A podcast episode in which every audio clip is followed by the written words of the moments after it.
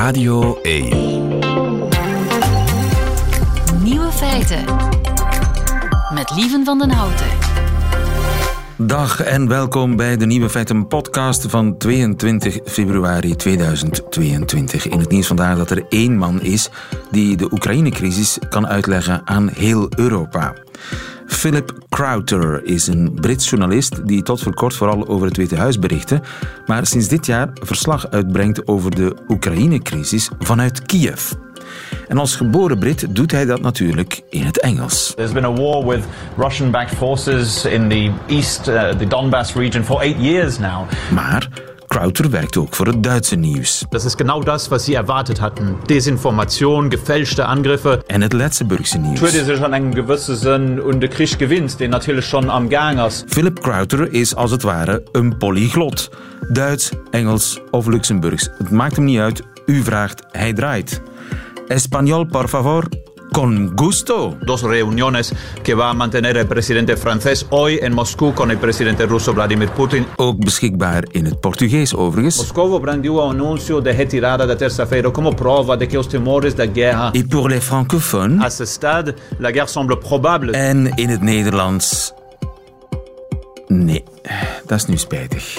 De andere nieuwe feiten vandaag.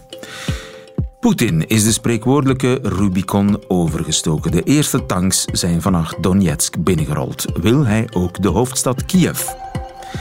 Zijn propagandamachine draait op volle toeren. Onze nieuwe feitenchecker probeert echt van fake videomateriaal te onderscheiden. Zijn optimistische dieren succesvoller dan pessimistische? Die vraag is wetenschappelijk onderzocht.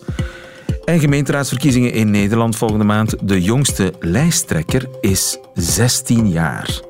De nieuwe feiten van Nico Dijkshoorn die hoort u in zijn middagjournaal. Veel plezier. Gisteren erkende president Poetin de separatistische regio's Donetsk en Lugansk in het oosten van Oekraïne als onafhankelijke staten. En kijk, de eerste tanks die zijn daar al gesignaleerd. Jonathan Holslag, goedemiddag. Goedemiddag. Professor internationale politiek. De eerste panzervoertuigen zijn al gezien in uh, Donetsk. Het gaat snel, hè? Het gaat heel hard. Ja, goh, de, inderdaad, de eerste tanks zijn eigenlijk deze, deze nacht, een, een tweetal uur na de officiële erkenning uh, van de onafhankelijkheid van Donbass door Poetin de grens overgerold. Poetin voegt daarmee natuurlijk meteen de daad bij het woord. De grote vraag is nu vooral uh, hoeveel verder ze nog zullen, uh, zullen, zullen rollen en, en in welke mate dat conflict de komende dagen, weken zal, uh, zal uiteinden. En heb jij daar enig idee van? Want dat is natuurlijk al meteen de vraag van 1 miljoen. Ja. Wil hij Kiev? Ja, goh, um, kijk, um, heel veel zal afhangen van uh, de volgende vraag. Um, hoe Donbass uh, en vooral de, de, de republieken uh, gedefinieerd gaan worden. Dat is een hele technische kwestie. Dus wat je nu hebt, uh, je hebt Donetsk en Luhansk, hè, samen vormen die Donbass. de oostelijke helft wordt gecontroleerd door de separatisten. De westelijke helft wordt gecontroleerd door, het, door de Oekraïners nog altijd. En dan middenin heb je de zogenoemde contactlijn. Dat is de lijn waar ja, aan de ene kant de Oekraïners hebt zitten, de andere kant zitten dan daar um, de, um, de rebellen. Um, als men uitgaat van een erkenning van Donbass in zijn geheel, uh, dan betekent het dat um, de Russen ook um, die Oekraïners die dan nu eigenlijk in het midden van Donbass zitten, gaan moeten, um, gaan moeten neutraliseren. Uh, neutraliseren? Dus... De, de troepen bedoel je? de, ja, de troepen uh, zullen moeten, moeten onklaarmaken. Dus ervoor zorgen dat zij uit, uit Donbass helemaal um, verdwijnen. En dat betekent natuurlijk um, een flinke knokpartij om het zacht uit te drukken. Um, dus heel veel zal afhangen hoe ja, Donbass gedefinieerd wordt. De woordvoerder van het Kremlin, Peskov, is daar uh, afgelopen uur over ondervraagd geweest door buitenlandse journalisten. En heeft daar eigenlijk niet zo heel veel over willen lossen. En dat op zich is wel wel, wel, wel interessant. Uh, houdt een aantal um, ja, opties uh, open. Um, maar het feit blijft dat het gewoon ook voor de Russen heel moeilijk zal zijn om hun positie ook op het oostelijke stuk van, uh, van Donbass te behouden. Uh, zolang die Oekraïners vanuit het westen bevoorraad uh, worden, gesteund worden. Dus ik denk dat, dat vanuit de Russische berekeningen er nog altijd wel een, zekere wenselijkheid bestaat om uh, verder te gaan dan, dan Donbass alleen en zeker verder te gaan dan de huidige contactlijn. Ja. En dan wordt het inderdaad heel gevaarlijk. ja, eigenlijk willen ze een ander bewind in Kiev. Hè. Ze willen een Rusland-vriendelijk ja. bewind in Kiev. En ja. zolang ze dat niet hebben, zullen ze blijven morren en af en toe ja, uithalen. Ja, god, daar daar, uh, daar vrezen we voor hè, dat het, uh, dat het uh, Poetin echt wel te doen is om heel uh, Oekraïne en wie er in Oekraïne de basis zijn. Gisteren, um, wie geluisterd heeft naar die Nationale Veiligheidsraad en zeker wat Poetin zelf te vertellen had tijdens zijn, uh, zijn toespraak, hè, voelde daarin toch wel heel erg een uh, belangrijk revanchisme, uh, ook een verzuchting om, om Oekraïne dat deel uitmaakte naar zijn zeggen van de Russische beschaving terug bij die club te krijgen. Dus dat er echt wel meer aan de hand is dan, dan, dan Donbass alleen. De vraag is natuurlijk welke dan, prijs die hij daarvoor wil betalen. Ja, inderdaad. Uh, en vanuit het Westen is dat ja, heel moeilijk voor te stellen. Hè, dat een land gaat, uh, gaat duizenden mensen de levens, uh, enorme economische tol uh, riskeren om, om een ander land te, gaan, te gaan aanhechten. maar vanuit het perspectief van Poetin sowieso, en hij heeft dat ook in zijn essay geschreven vorig jaar, ja, gaat het een stukje om glorie, om het herstel van uh, Rusland als een, uh, een sterke, sterke speler. Uh, de bescherming ook van, van Rusland als een, een beschaving tegenover het Westen. Dus die, die, die gedachtegang is wel enigszins anders dan het, uh, het, het, het, het efficiëntiedenken, uh, het, uh, het, het hele nuchtere denken aan, aan, onze, aan onze kant. Zeker bij ja. Poetin speelt hier veel mee. Die man is ook 69 jaar, dus die gaat stilaan denken aan zijn, zijn nalatenschap, welke plek hij gaat krijgen in, in de geschiedenisboeken.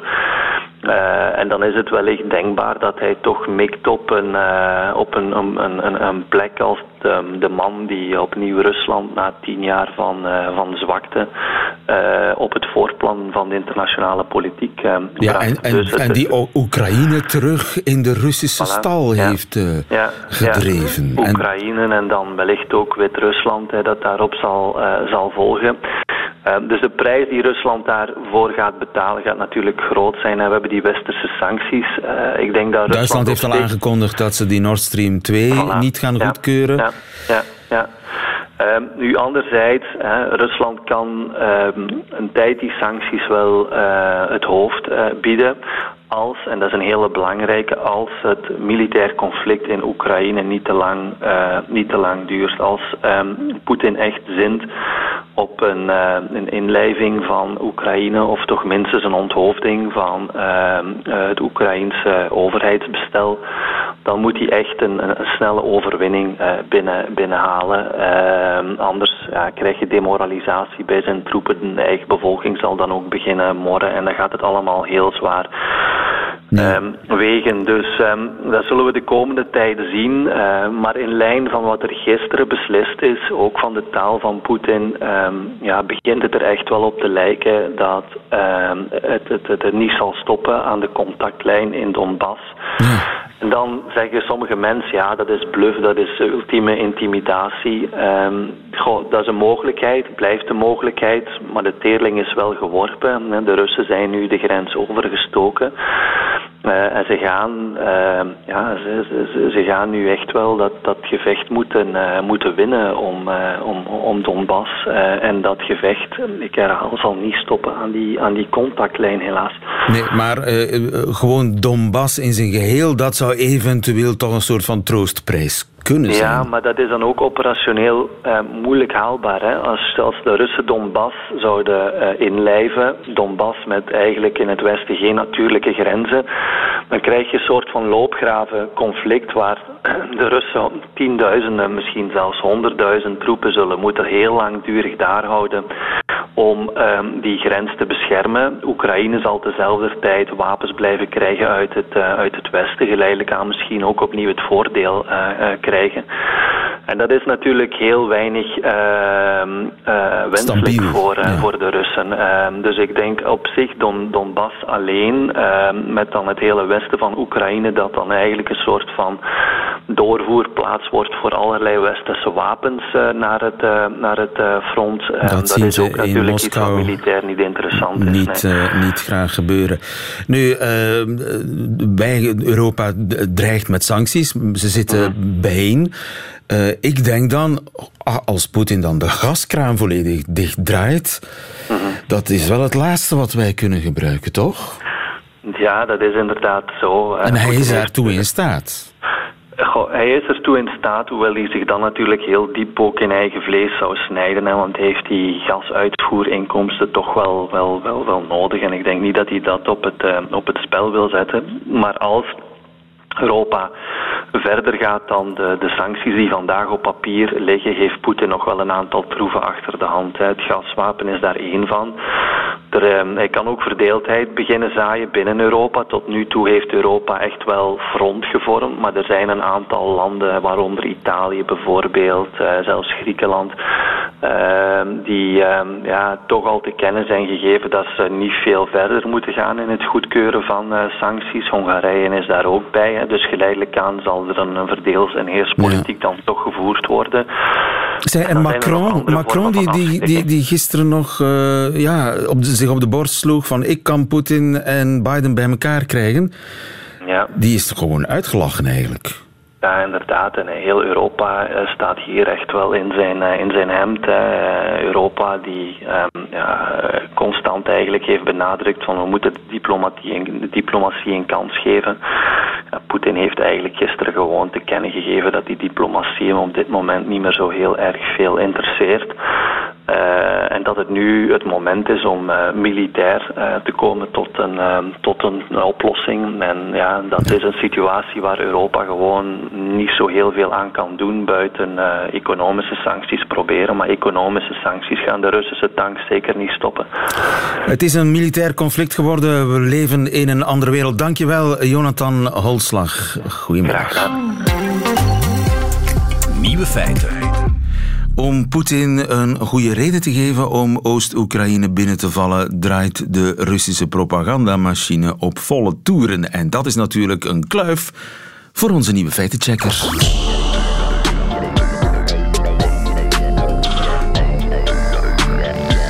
De nieuwe feitenchecker. Zijn de Rien en Marie. Goedemiddag, Rien. Goedemiddag. Zeg Rien, de vredestroepen van Poetin die zijn al gesignaleerd hè, in Donetsk. Tenminste, ik heb uh, video, vage videobeelden gezien vanmorgen. Die ja. filmpjes zijn wel echt? die zijn wel betrouwbaar. Die zijn opgenomen door uh, onder andere Al Jazeera, die echt ter plaatse zijn. Dus daar weten we van dat ze kloppen. Ja. Dus er is een kolonne uh, panzervoertuigen in Donetsk gesignaleerd vanmorgen. Het, het, mag ook. Het decreet is getekend in Rusland. Het mag, door, het, het, het, mag van Poetin. Dus, het mag uh, van ja. Poetin, die vredestroepen stuurt omdat hij niet anders kan, hè, volgens zijn logica. Volgens zijn logica, ja.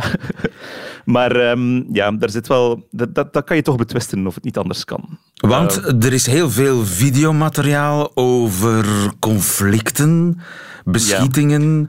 oorlogssituaties uh, in die uh, Donetsk en Luhansk in Oost-Oekraïne. Wat zijn ja. dat voor videobeelden?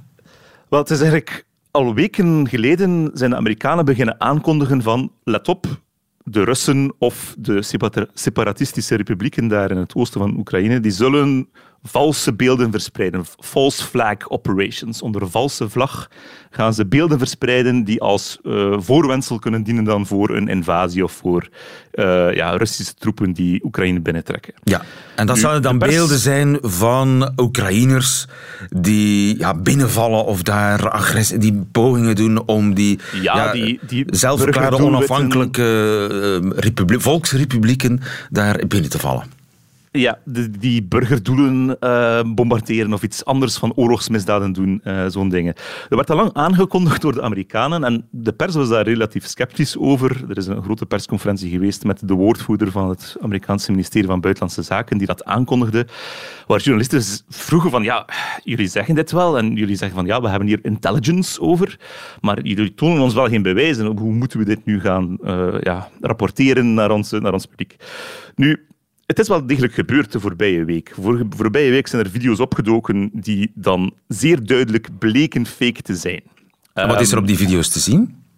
Een van die video's is zeer opvallend was een uh, video die geüpload is op Telegram, het chatkanaal dat ook Russisch is trouwens, en dat uh, gebruikt werd door de uh, militie in Donbass, de Donetsk-militie van de Volksrepubliek Donetsk. Um, zij louden een video op van zogezegd saboteurs uit Oekraïne, zelfs met hulp van Polen erbij, zeiden ze, die op weg waren naar een chlorinedepot, dus een chemisch depot in Oost-Oekraïne, om dat te gaan opblazen. En het is een kleine video van ongeveer een minuut, waar er heel veel geschiet op te zien is, maar die voor de rest bijzonder vaag is. Maar wel met de claim van, kijk, dit is, dit is beeldmateriaal dat we gerecupereerd hebben van op zo'n bodycam, uh, bodycamera van een van die saboteurs die binnengevallen was in ons gebied om daar een soort chemische aanslag te plegen. Um, dat was al een zeer vaag verhaal en je kon daar niet zo heel veel uit afleiden, maar ze waren één iets vergeten. Namelijk, als je een video uploadt op Telegram en je downloadt die opnieuw, dan zijn er metadata die er aanhangen. En metadata zijn ongelooflijk belangrijk voor factcheckers. Wat zijn metadata? Gelijk welke file op je eigen computer, als je rechtermuisklik doet en je gaat, even naar eigenschappen, kan je zien van deze file is gemaakt op die datum, op uh, dat uur, is gemaakt op deze computer, uh, is voor het laatst opgeslagen daar, et cetera, et cetera. Dus dat zijn de metadata van een bericht. Bij die video was dat ook zo. En daar bleek dat die video al dateerde van uh, weken voordien, en bovendien stond er ook iets bij vermeld, namelijk er was een bepaalde audiofile toegevoegd aan de video. En die stond ook vermeld in de metadata. En die audiofile die verwees naar een YouTube-filmpje uit 2010 uit Finland van schietoefeningen van, de van het Finse leger. Dus staat er gewoon, allerlei... sta, het staat er eigenlijk rechtermuisklop en je ziet, je ziet eigenlijk de hele voorgeschiedenis. Je kon de hele voorgeschiedenis zien hoe ze dat hadden samengevoegd met die audiofile, et cetera. Dus zo kan je meteen herkennen of iets fake is. Of, of, ja, ze waren dat dus blijkbaar vergeten dat je dat kon zien, die metadata, als je, als je zo'n video's uploadt en weer downloadt. Echt professioneel is het niet, hè? Het, is, het was heel vreemd. Het is dan, ja, en dan beginnen mensen zich gaan vragen te stellen, was dit nu opzettelijk? Hebben ze nu opzettelijk zo'n zo'n stomme fout gemaakt? Want er zijn nog wel zo'n dingen gebeurd. Andere video's tonen zogezegd uh, een kleine ook groep Oekraïners die zouden zijn Rusland binnengevallen. Um, ook opnieuw met een, met een uh, helmcamera gefilmd en ook buitgemaakte beelden, zogezegd. En ja, het probleem is, er zitten heel veel mensen op internet die uh, zich specialiseren in OSINT, zoals dat heet. En dat is Open Source Intelligence. Dus op basis van gewoon iets dat je ziet op internet en alle bronnen die beschikbaar zijn, openbaar op het internet, de herkomst, de geloofwaardigheid van een beeld of van beelden, van video's achterhalen. En die hebben dat, dus dat zijn allemaal factcheckers eigenlijk? Dat zijn allemaal freelance factcheckers die geen, geen uh, professionele journalisten zijn, maar die dus wel met, met een mooi bewijsmateriaal komen telkens van. Bijvoorbeeld die video van die handcamera, de laatste die ik vermeldde. Ja, je ziet allerlei landschapselementen natuurlijk. En als je luchtfoto's combineert met foto's van ter plaatse en je combineert die met die video en je let heel goed op, kan je dus aan geolocatie doen en ja, op perfect bepalen op, met GPS-coördinaten waar die video opgenomen is. En dan bleek dat die niet, niet in Rusland opgenomen was, maar nog in het Oekraïnse uh, volksrepubliekgebied, dat dus uh, nu tot die separatistische volksrepublieken behoort. Dus telkens zo'n het is een risico als je wil propaganda verspreiden om, om beelden te verspreiden, want niet alleen de inhoud van de beelden kan gecheckt worden, zeer makkelijk met satellietbeelden die ook openbaar beschikbaar zijn. Maar ook dus ja, die metadata kunnen ook verklappen dat je mensen probeert voor het lapje te houden.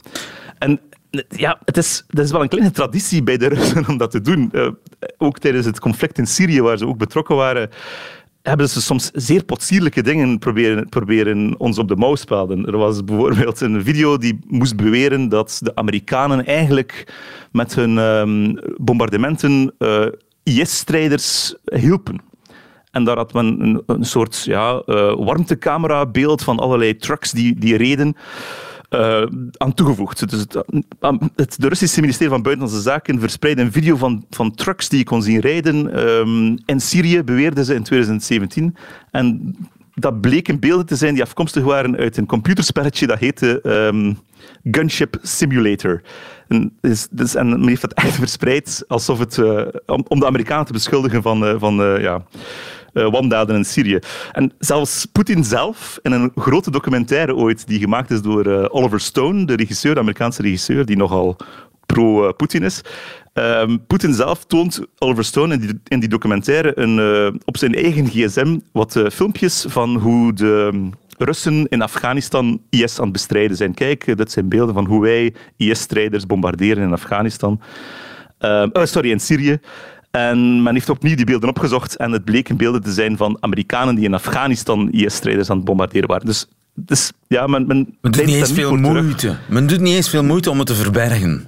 Men, men deinst daar niet voor terug om dat te doen. En, maar er zijn dus ja, ondertussen al tiental incidenten geweest geclaimd door zowel uh, Luhansk en Donetsk en de Russen dat het aanvallen zijn van Oekraïne die men heeft ondertussen kunnen weerleggen dat het niet zo is. Het probleem is natuurlijk, we moeten dat telkens opnieuw doen. Want het kan gerust zijn dat er een echte tussen zit, dat, dat, dat de Oekraïners inderdaad uh, ja, Russisch grondgebied bestookt hebben. Of, het kan altijd, maar dus elke keer opnieuw uh, schieten die open source intelligence onderzoekers op, op Twitter in gang.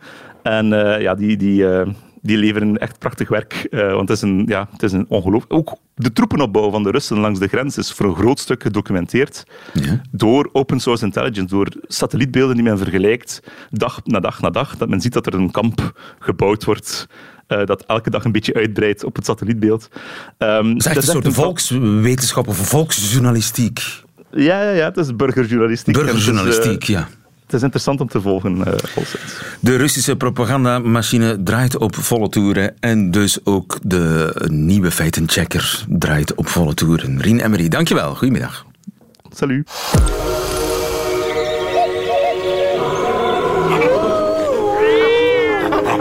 Nieuwe feiten. Hebben optimistische dieren gelijk of wordt hun roze bril keihard afgestraft? Die vraag is onderzocht door biologen in Israël en de Verenigde Staten. Dirk Drouwlands, goedemiddag. Goedemiddag, lieve. Onze huisbioloog. Eh, ze hebben dat onderzocht met een computermodel. Dat vind ik wel eigenaardig. Ja, het is een soort avatar voor de natuur, hè. Dus, uh, waarin dat ze individuele dieren als een computerelementje voorstellen. Het voordeel daarvan is dat je geweldig veel uh, variabelen uit de leefomgeving kunt meenemen in uw verhalen. Hoeveel eten er is, hoe weinig eten er is, hoe ver nieuwe voedselbronnen vermijderd zijn, hoeveel roofdieren er zitten. En dan kunnen ze dan gaan spelen om te kijken uh, hoe het succes van dieren evolueert in functie van in dit geval hun gedrag, met name de kwestie of ze optimistisch dan wel pessimistisch tegen het leven aankijken. Ja, want dat is ook voor mij uh, zelfs nog een beetje nieuw, dat er dus optimistische dieren zijn en zwartkijkers. Dat, dat, ja, is, dieren met een roze bril en zwartkijkers, dat is zo. Voilà. Het is uh, duidelijk al sinds een jaar of tien dat er uh, in alle diersoorten die bekeken zijn, vindt men karakters, individuen, persoonlijkheden. En uh, je hebt dus durvers en voorzichtigen, je hebt optimisten versus pessimisten, je hebt routinedieren en, en echte, echte verkenners, ontdekkers. Dus eh, alles eh, wat er bij ons in de wereld zit, zit ook in veel diersoorten verborgen. Ja. En dus concreet in, in dat videospelletje, als ik het zo oneerbiedig mag noemen, eh, wordt dan ingegeven dat er dieren zijn die eigenlijk min of meer tevreden zijn met wat ze hebben en dat er dieren zijn die, die eerder geneigd zijn op ontdekkingstocht te gaan. Te zeggen, maar misschien heb ik daar nog, nog beter eten, nog meer, nog lekkerder. Ja, wat ze eigenlijk vooral op onderzocht hebben, is welke de beste strategie is voor een dier om te volgen. En de beste strategie blijkt te zijn dat je mild optimistisch tegen het leven aankijkt. En, eh, en als je dus te extreem optimistisch bent, dan verhonger je op jonge leeftijd omdat je eigenlijk te weinig rekening houdt met goede voedselbronnen die je passeert, omdat je denkt een beetje verderop gaat het nog beter zijn. En finaal verhonger je omdat je dan uiteindelijk terechtkomt bij iets waar dan niks te vinden is. Extreme pessimisten die gaan niet durven verplaatsen omdat ze denken van er gaat niks meer komen. En eh, ook, of, of ook uit schrik voor roofdieren, wat het een beetje bizar is, want het is ondertussen duidelijk in de natuur dat de meeste dieren sterven van verhongering en niet door opgegeten te worden door andere dieren. Dus wat zou impliceren dat voeding toch beter zou moeten zijn hè, dan de angst voor, eh, voor, voor eh, roofdieren. En het punt is dus dat er dus een, de beste strategie is eigenlijk dieren die doen alsof negatieve informatie niet bestaat of minder belangrijk is. Oh. En dat is, dat is iets dat bij mensen ook relatief dikwijls voorkomt. Dat is dus bijvoorbeeld dat je denkt dat je minder gevoelig gaat zijn voor inbraken dan de buren en dus de achterdeur wat open laat staan. Eh, Dat je als roker toch denkt van ik blijf roken, want ik ben minder gevoelig Mij voor overkomt het longkanker niet. dan anderen. Dus eh cryptomunten-experts die zeggen van ik stap er toch nog in, want ik ga minder eh, snel dus, eh, mijn, mijn inzet kwijtraken dan anderen. Dus, dus die, die, dat inschatten. En het grappige aan die studie is bijvoorbeeld, als ze dat echt ex- extrapoleren naar mooie menselijke situaties, kun je dat bijvoorbeeld ook doortrekken naar de vraag waarom megaprojecten zoals Oosterweel bijvoorbeeld, de Antwerpse er- ontsluiting van de ring, waarom die altijd veel duurder zijn dan ze aanvankelijk gepland zijn, omdat de planners altijd uitgaan van toch licht optimistische situaties die dan dikwijls Ja. niet gerealiseerd worden. Niemand zal aan PFOS gedacht hebben, bij wijze van spreken. Ja, maar, maar en als ik, als ik nu eh, die resultaten van dat onderzoek volg, dan kan ik eraan toevoegen, en maar goed ook, want anders zou er nooit wat gebeuren. Ja, dat is dus, eh, er moet altijd, en het, eh, het eh, interessante daaraan is dus ook dat er in populaties heb je altijd een mix, hè, dat is bij ons mensen ook zo, een mix tussen optimisten en, en pessimisten, tussen extreem optimisten en mild optimisten, tussen durvers en voorzichtigen. Die heb je in de natuur, bij de dieren ook. Dus je hebt altijd zo'n beetje speling waarin dat je dus als groep ook kunt inspelen op, eh, op nieuwe veranderende situaties. Want inderdaad, het slechtste wat er bijvoorbeeld in die studies kan gebeuren, is dat dieren in een heel uniform milieu leven, dat altijd hetzelfde blijft. En ineens komt er dan een verandering in. Bijvoorbeeld iets dat wij introduceren, hè, want wij mensen hebben toch wel een gigantische greep op de leefomgeving van veel andere dieren. En als je dan geen optimisten in je groep hebt, dan krijg je echt enorme problemen, omdat je niet geneigd gaat zijn om te proberen iets te doen aan die situatie. Ja, want ja, dat was eigenlijk mijn volgende vraag. Dieren die luisteren toch alleen nog maar naar, naar Darwin. En als effectief mild optimisme de beste garantie is op succes, waarom zijn er dan nog pessimisten? Ja, omdat je altijd variatie hebt in gedrag in de natuur. Hè. Als je alles eh, zou op dezelfde kaart zetten, bij wijze van spreken, en dat is een slechte kaart, dan verliest iedereen. Dus je moet in zo'n populatie heel veel variatie houden en de natuur is daar eigenlijk ook voor gemaakt. Hè. Die genetische uitwisselingen hè, van, van, van, eh, van geslachtelijke voorplanting, die zorgen altijd voor dat er dus altijd nieuwe variaties gemaakt worden op een bepaald thema. En als de situatie dan verandert, is de kans groter dat je er toch ergens wat zitten hebt die goed geschikt zijn om in te spelen op die nieuwe situatie. Dus je moet die variabiliteit in je bestaan inbouwen, inbegrepen in hoe dat je hersenen je gedrag aansturen om als dier, eh, als diersoort Ja. te kunnen overleven in een constant veranderende leefomgeving. Dus ook de zwartkijkers heb je nodig, bewijst de evolutie. Af en toe moet je ze defensief eh, kunnen gaan, maar eh, dat is dan toch, toch relatief bescheiden, omdat er dus uit die studie blijkt dus duidelijk dat die zwartkijkers als die, dat die toch sneller eh, dan de milde optimismen en, en minder jongen krijgen. En dus het, de zwartkijk als dusdanig is eh, als gemiddeld scenario minder goed dan de optimisten, maar het kan niet slecht zijn dat er af en toe eens iemand zegt van manneke, doe het wat kalm aan, eh, want, want je bent misschien wat, eh, wat aan het overdrijven. De beste bril is de lichtroze bril, besluit ik. Dirk Drouwlands, dankjewel. Goedemiddag. Goedemiddag, Lien.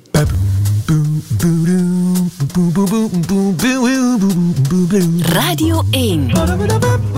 Nieuwe feiten. Held van de dag is Oliver Heming, de jongste lijsttrekker van Nederland. Goedemiddag, Oliver. Goedemiddag, meneer. eh, Eh, Je mag lieven zeggen. wat? Je- Lieven? Lieven, ja, inderdaad, dat is een naam in Vlaanderen. Oh, Ja, gek hè? wist ik niet. Weten ze niet in Winterswijk, waar jij woont, eh, in het oosten van Nederland, eh, waar, eh, Nederland waar gemeenteraadsverkiezingen zijn over een paar weken.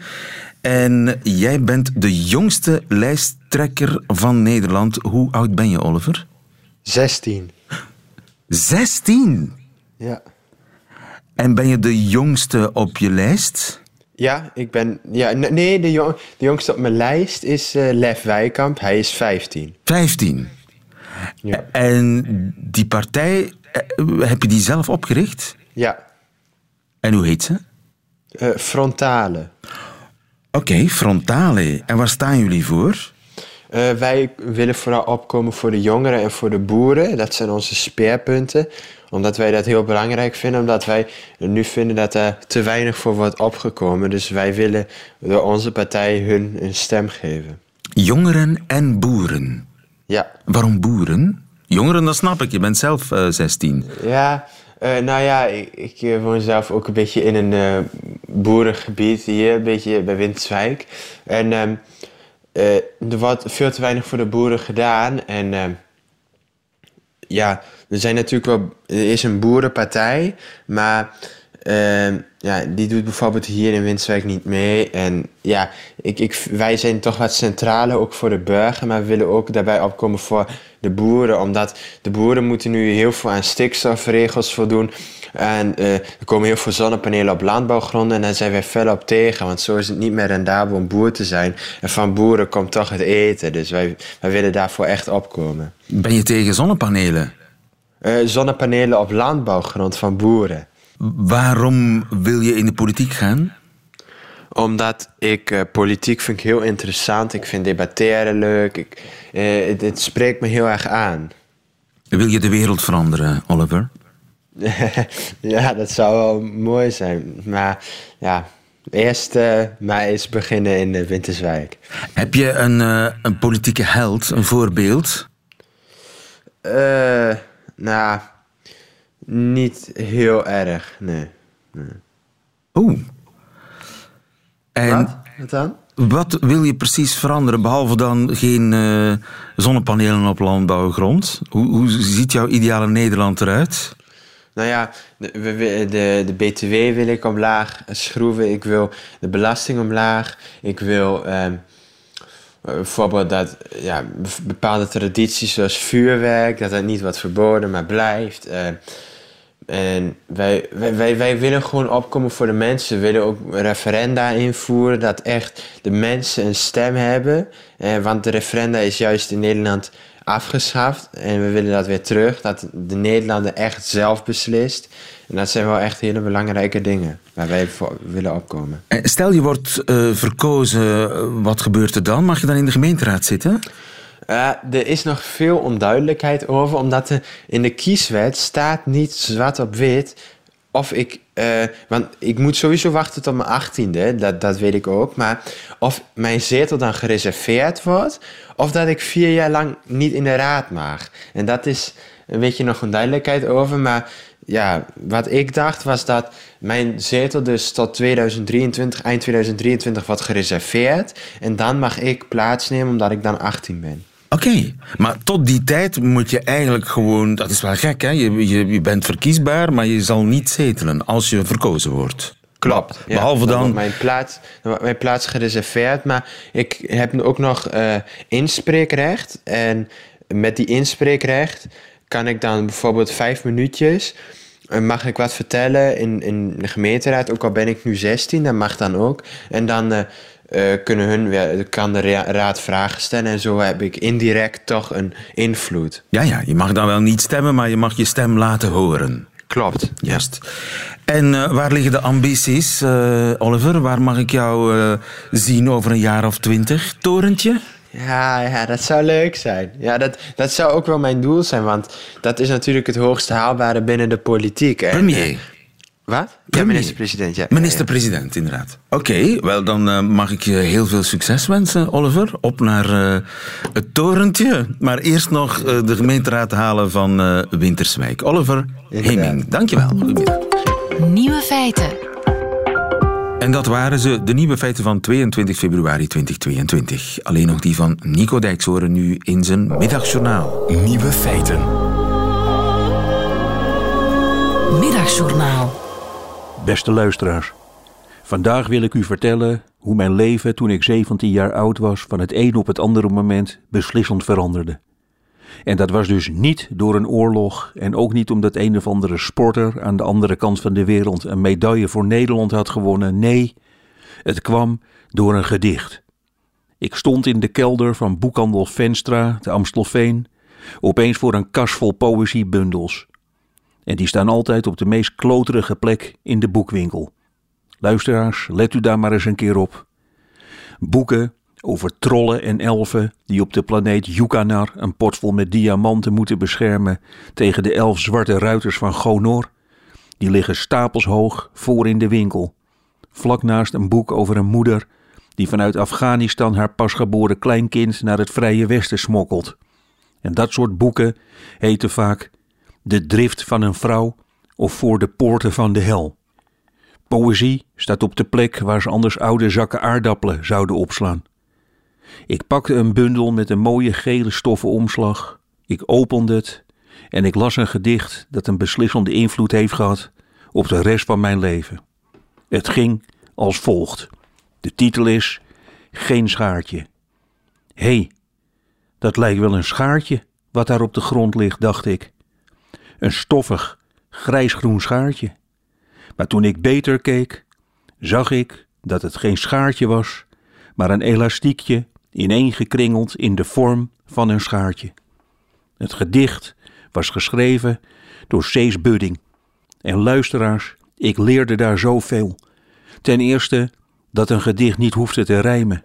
Ik leerde dat alles een gedicht kan zijn. Je hoeft alleen maar op te schrijven wat je ziet. Ik leerde dat zelfs de gewoonste voorwerpen een magisch moment kunnen veroorzaken. En dat herkende ik. Ik dacht aan de enorme onderbroek van mijn vader, op de grond, in de badkamer en mijn doodsangst als zevenjarige. Ooit moest ik ook dit soort wanstaltige broeken aan gaan doen. En nu, door Budding, begreep ik opeens dat ik daarover dood en leven had naast aan denken en dat de onderbroek stond voor de onherroepelijke voortschrijdende jaren. Ik heb de bundel gekocht en ik lees er nog wekelijks in. Luisteraars, nog eentje dan door het genie Cees Bunning die mij leerde kijken. Kooitje. Mooi is een kooitje met een kanarie erin. Heel mooi ook een kooitje met een parkiet erin. Met een merel erin, met een kolibrie erin, een slavink erin, een bos wortelen erin. Blokjes marmer erin, een glas water erin. Maar het mooiste is eigenlijk een kooitje met niets erin.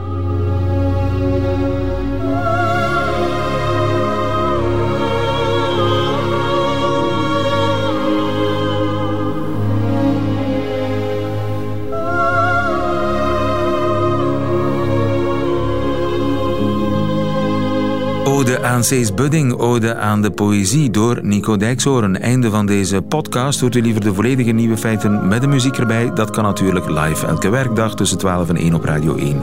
Of on demand via de Radio 1 website of app. Tot een volgende keer.